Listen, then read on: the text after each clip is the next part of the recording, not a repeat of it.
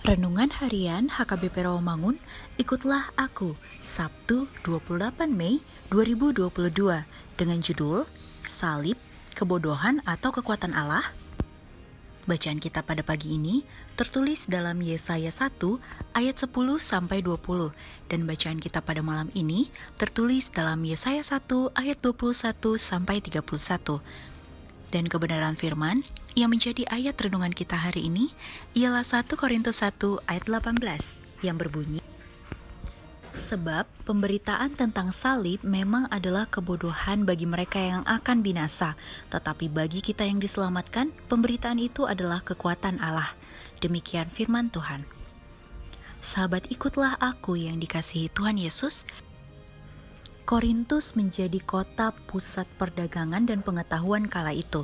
Jemaat Korintus yang bersentuhan dengan filsafat, khususnya jemaat yang berlatar belakang Yunani, telah menganggap dirinya lebih berhikmat dibanding warga jemaat lain.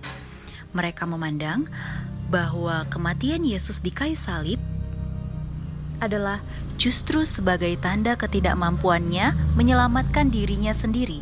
Lalu, mungkinkah dia bisa menyelamatkan dunia, mereka pun meremehkan Injil dan menyebut salib itu sebagai kebodohan. Saudara yang terkasih, Allah yang transenden telah menjadi Allah yang imanen. Itulah kenosis Allah, hikmat yang menyelamatkan dunia. Salib menjadi kebodohan bagi mereka yang akan binasa, tetapi menjadi keselamatan bagi setiap orang percaya. Maka, janganlah merasa diri lebih berhikmat, apalagi mendewakan artificial intelligence sekarang ini. Berhikmatlah seperti ilmu padi. Semakin dia tinggi, semakin dia menunduk merendah, namun semakin berisi dan bermutu laksana Kristen Yunani memandang Kristen Yahudi kala itu, janganlah merasa dirimu sendiri sebagai superior dan orang lain sebagai inferior. Cara hidup seperti itu sungguh tidak membangun iman dan persaudaraan. Jauhilah kesombongan seperti itu.